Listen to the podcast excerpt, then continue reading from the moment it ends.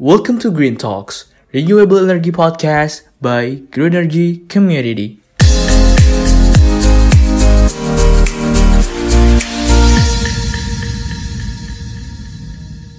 Halo Greeners, selamat pagi, siang, sore, malam, atau kapan pun kalian mendengarkan podcast ini. Kali ini kita balik lagi di episode kelima dari podcast Green Energy Community.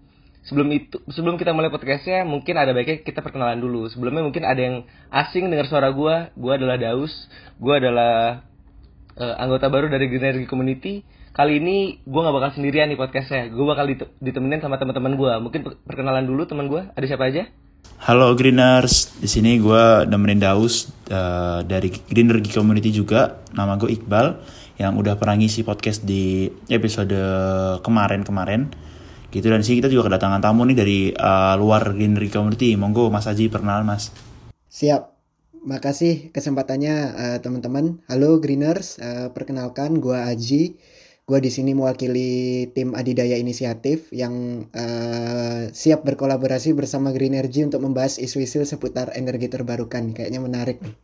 Nah, ini seru banget kan? Gue di sini udah bakal ditemenin sama Iqbal, sama Aji di sini. Mereka berdua orangnya keren-keren, wah pasti seru banget nih. Dan kali ini podcast kita bakal ngebahas sesuatu yang sempat hangat beberapa waktu lalu, yaitu tentang investasi Tesla di Indonesia. Tapi kenapa nggak jadi dilakuin? Nah, topik ini tuh bakal seru banget buat kita kulik-kulik. Kenapa sih nggak jadinya? Apa aja faktor-faktornya? Nah, mungkin sebelum kita masuk dari itu bahasan itu sendiri, gue di sini bakal ngejelasin tentang overview Tesla in general. Nah, Tesla itu sebelumnya dinamai Tesla Motors. Tesla ini bergerak di bidang otomotif dan juga penyimpanan energi.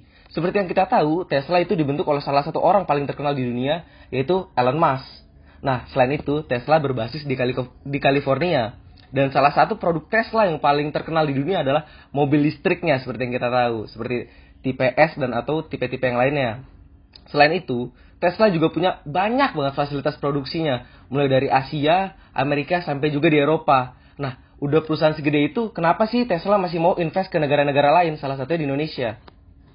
Nah, mungkin ini bakal kita masuk ke pokok bahasan aja. Kenapa sih Tesla mau invest di negara-negara lain? Gimana kalau dari Mas Aja atau Iqbal ada tanggapan gak nih? Uh, eh, gue boleh bicara dulu ya? Iya, santai-santai Mas Haji. Ya, jadi uh, kalau boleh berpendapat, uh, Tesla ini kan merupakan salah satu perusahaan yang bergerak seperti dibilang tadi sama Daus. Uh, ini kan uh, perusahaan di sektor uh, otomotif dan juga energi ya.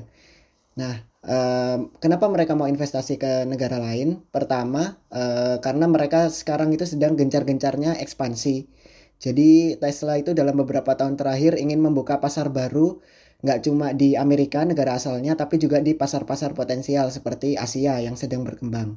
Nah, uh, overview dasar dulu. Jadi untuk di sektor otomotif, uh, mobil listrik, mereka itu punya dua bengkel, dua pabrik maaf sekarang satu di Fremont, California, satu di Shanghai. Nah, mereka mau ekspansi lagi untuk di pasar Asia Selatan dengan membuka uh, rencananya investasi dengan membuka pabrik baru antara di Indonesia atau di India seperti itu.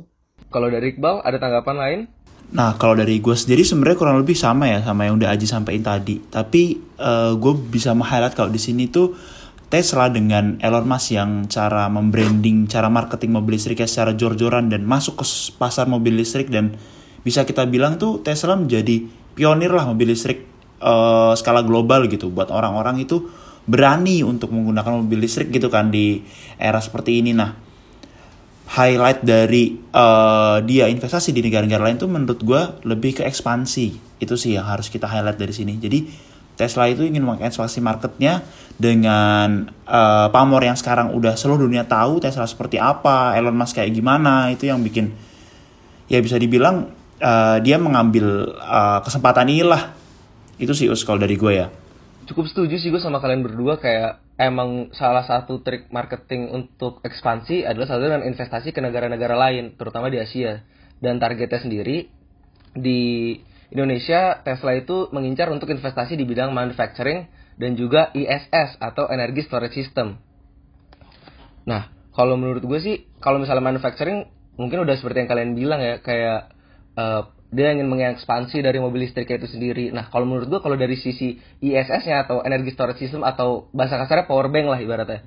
itu kalau menurut gua karena dia ngeliat potensi sih potensi di Indonesia di negara-negara lain. Salah satu yang diincar itu di Indonesia kalau menurut gua. Kayak potensi di Indonesia mineralnya seperti kayak nikel dan segala macem. Kalau menurut gua kurang lebih kayak gitu sih. Nah kalau menurut kalian gimana? Eh, investasi Tesla incaran di Indonesia tuh kayak gimana sih Ya, benar. Eh, benar banget, Us. Jadi, eh, kita perlu eh, menggarisbawahi dulu ya, eh, investment seperti apa yang ingin Tesla berikan di Indonesia pada awalnya gitu. Jadi, kalau eh, sebenarnya eh, investment ini kan merupakan sesuatu yang tertutup ya, rahasia. Jadi ada istilahnya non-disclosure agreement gitu. Jadi, yang tahu yang tahu tentang ini detailnya tentu adalah perusahaan dan pihak yang bernegosiasi seperti itu. Dalam hal ini pemerintah Indonesia.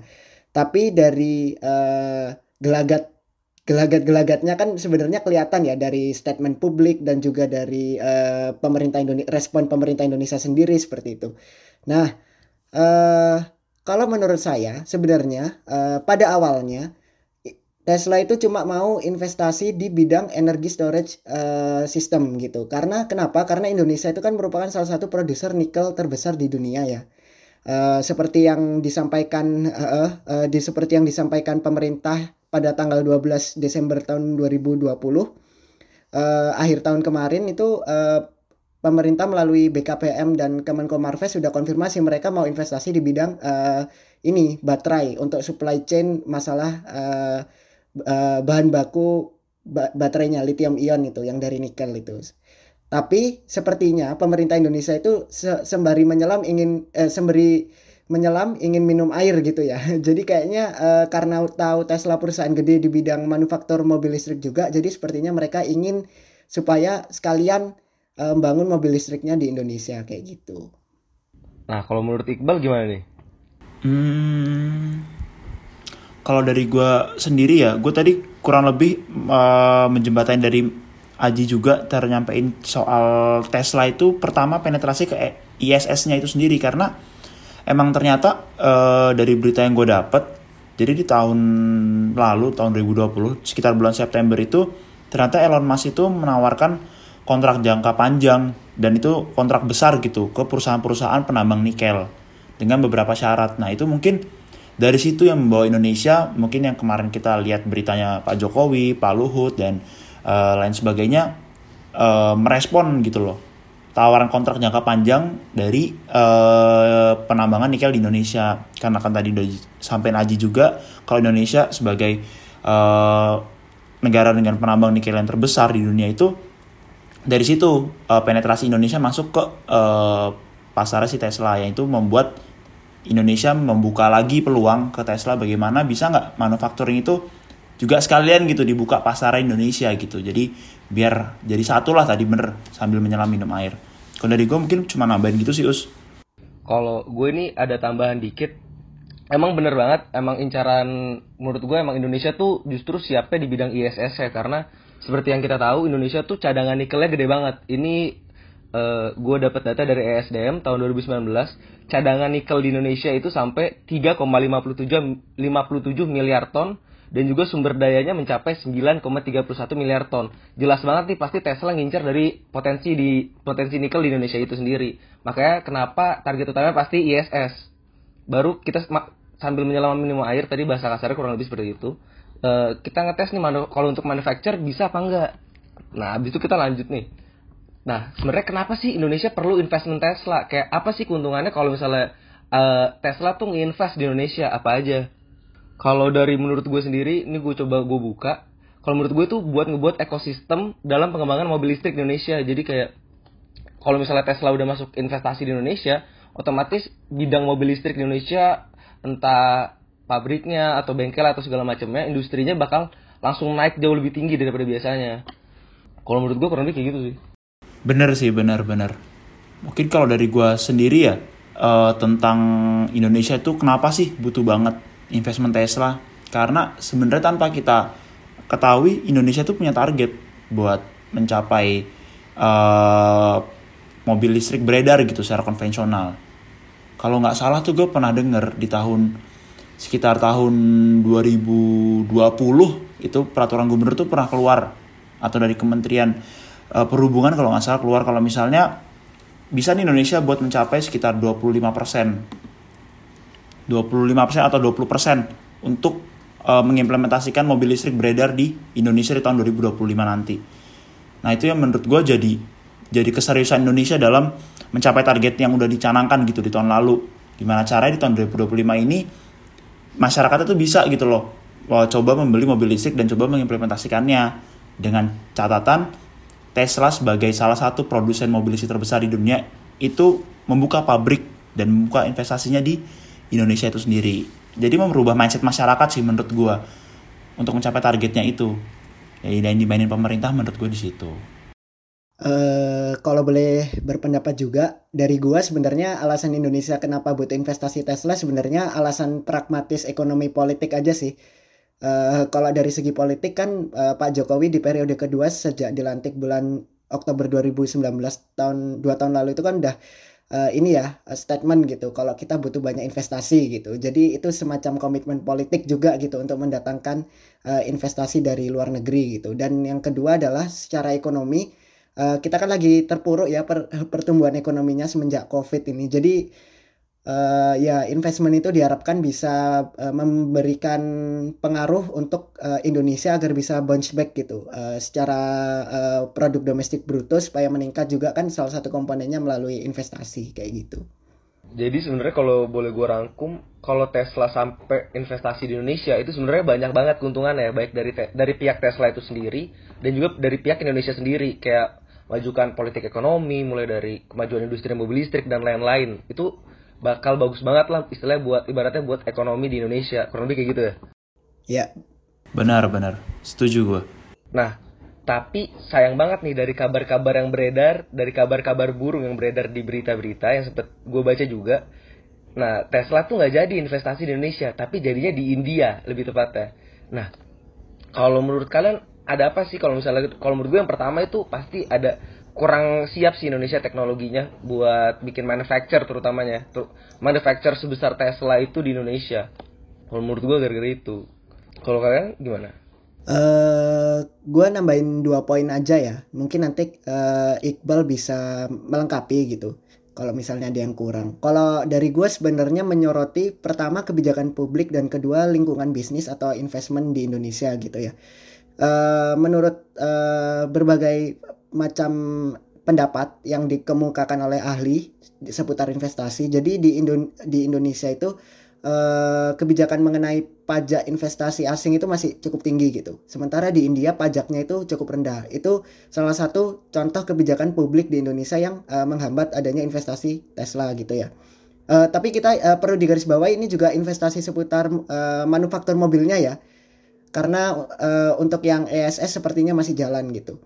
Nah, yang kedua itu melalui lingkungan bisnis. Uh, jadi uh, lingkungan bisnis suatu negara itu bisa dikatakan bagus, ramah investasi itu diukur dengan uh, isti dengan parameter namanya uh, ICOR atau incremental capital output ratio. Jadi seberapa banyak investasi itu menghasilkan suatu output gitu. Rasionya seperti apa. Nah, di Indonesia ICOR itu terbilang tinggi gitu. Jadi ibaratnya uh, untuk menghasilkan satu output dibutuhkan banyak investasi. Uh, uh, menurut data yang saya dapatkan di sini tahun 2018 ICOR Indonesia itu sepu, uh, sekitar 6,6 6, 6 poin di atas gitu. Jadi intinya untuk menghasilkan satu output dibutuhkan 6 poin investasi seperti itu misalnya. Sedangkan di India itu jauh lebih rendah gitu, sekitar 4 4 persenan. Uh, rasionya itu 4, sekian. Jadi untuk menghasilkan satu output yang sama dengan Indonesia dia cuma butuh investasi sebanyak empat gitu. Jadi kan lebih menguntungkan investasi di India seperti itu sih. Mungkin Iqbal bisa menambahkan? Hmm, menarik sih sudut pandangnya dari Aji yang tadi sampaikan ya tentang investment sama kebijakan di Indonesia yang mungkin gue sendiri pribadi uh, eh, gue jarang mendengar informasi kayak gitu. Dan kalau tanggapan gue ya uh, dengan informasi yang kita tahu nih beredar kalau misalnya ternyata Tesla tuh udah agreement di India dan udah uh, mendaftarkan kantornya di India dan lebih tepatnya itu di uh, Bangalore. Bangalore tuh di Karnataka tahu gue. Dan itu ternyata uh, kenapa salah satu apa ya penyebab Tesla apa namanya milih di situ tuh karena iklim di sana itu mirip dengan Silicon Valley di California gitu. Jadi kan uh, sebelumnya kan udah buka di Shanghai gitu kan ekspansi dan dan Tesla tuh bingung gitu ap, uh, mana ya yang kira-kira tuh bisa well adapt gitu dari keseluruhan sistem dari ipteknya dari manusianya dari kebijakannya dari lingkungan bisnisnya dan sebagainya. Dan itu dari informasi yang gue dapet itu ternyata pengembangan di di India terutama di Bangalore itu mirip dengan Silicon Valley gitu. Dengan catatan kayak uh, pusat teknologinya India tuh di situlah ibaratnya. Dan itu terbukti dari perusahaan-perusahaan besar yang udah pernah uh, mengembangkan pabriknya di sana kayak gitu. Jadi menurut gue sih iklimnya sih lebih ke iklimnya. Dan iklim itu menurut gue secara luas nggak cuma dari uh, teknologinya doang tapi dari kesiapan SDM-nya itu sendiri. Dan sama tadi dua poin yang udah disampaikan sama Aji sebelumnya. Dari gue sih di situ sih penekanannya.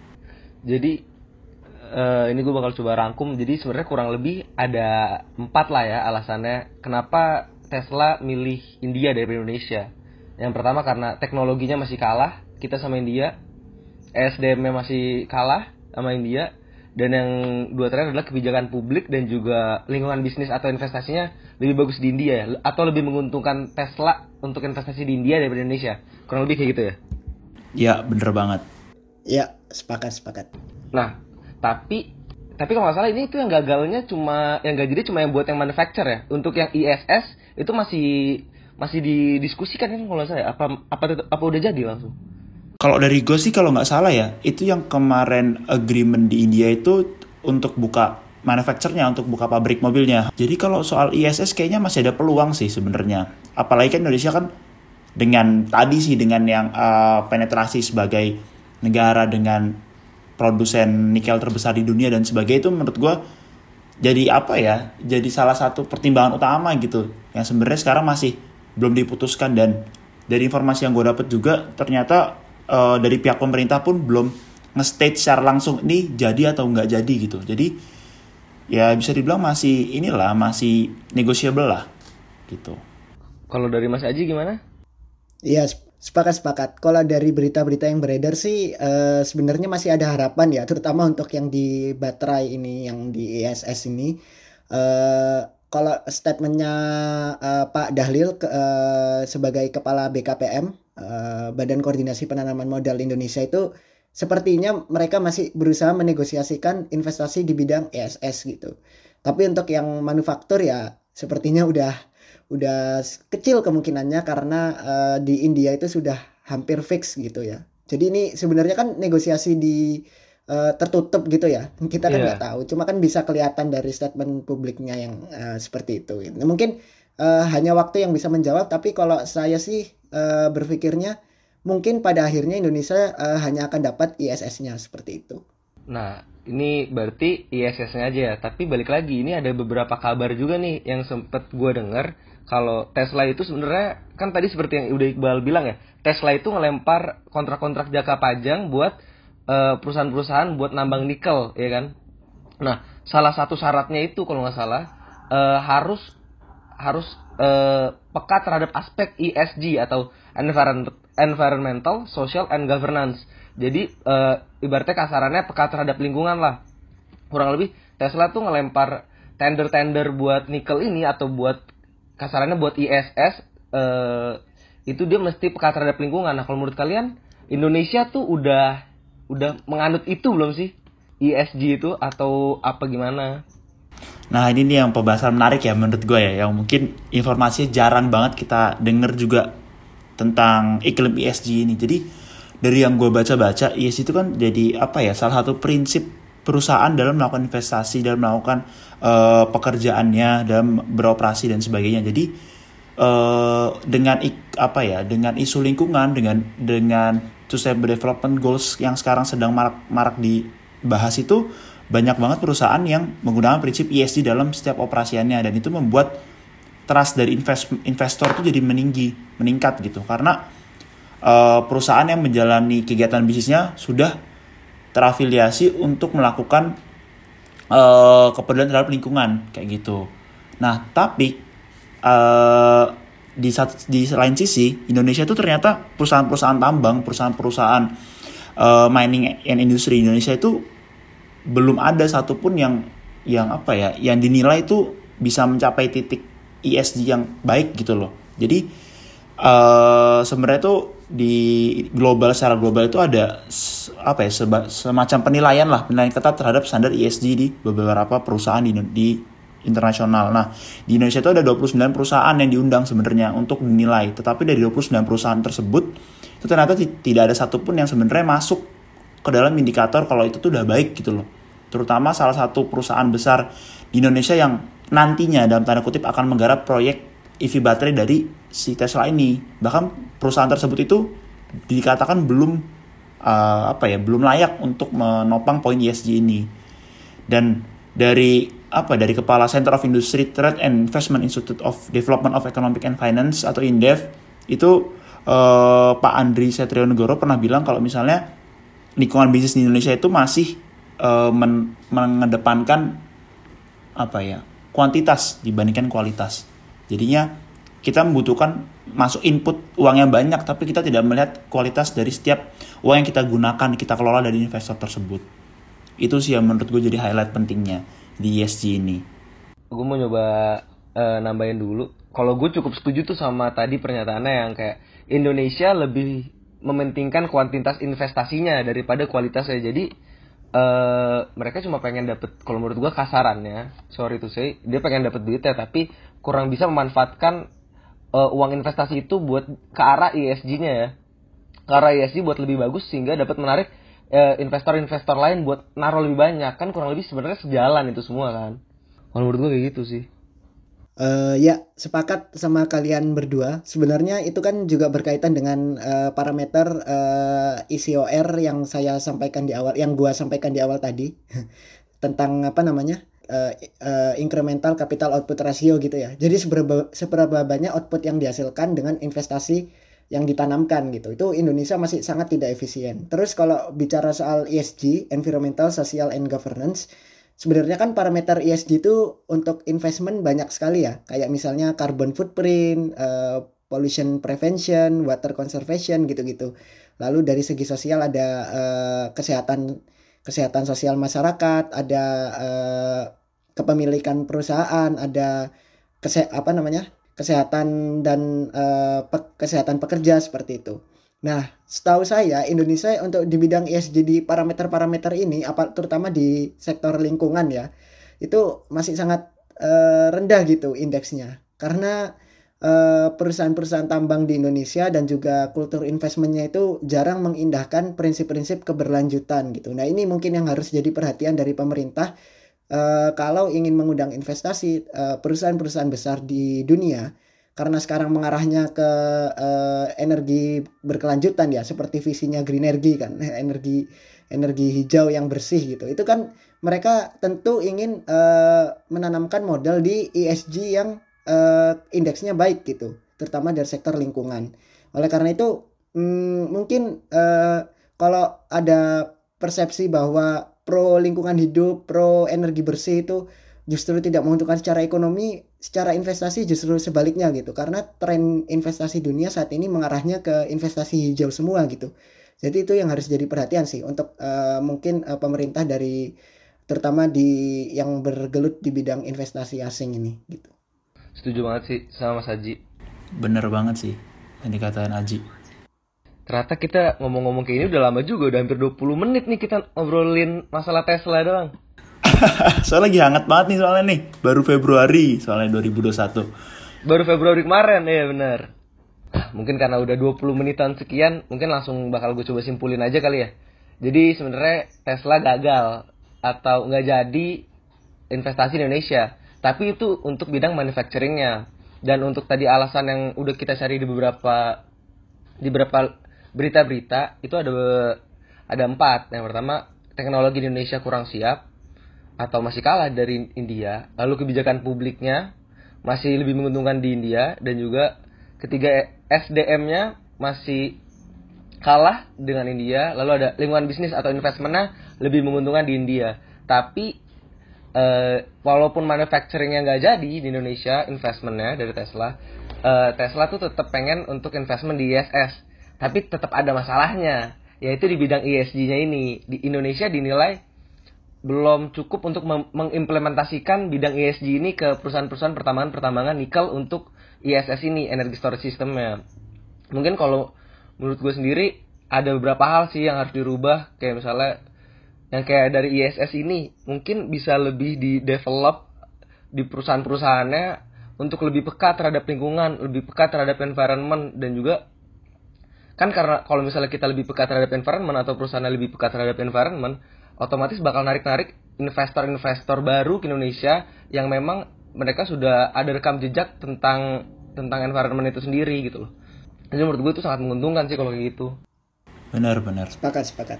Kalau gue mungkin kalau mungkin gue mau nambahin dikit uh, dari sum up dari obrolan kita hari ini sih kalau dari gue pribadi lebih ke semua masyarakat Indonesia lah terutama nggak cuma harus pemerintah tuh sebenarnya udah harus tahu sih isunya tuh sekarang isu lingkungan. Dan sebenarnya isu lingkungan tuh berdampak ke nggak cuma ke hal-hal sepele di di sekitar kita gitu tapi ada juga di hal-hal investment di hal kemajuan ekonomi Indonesia roda ekonomi apalagi sekarang ada pandemi covid yang di mana itu peluang besar gitu loh buat membalikan ekonomi Indonesia balik ke uh, sebelum covid gitu.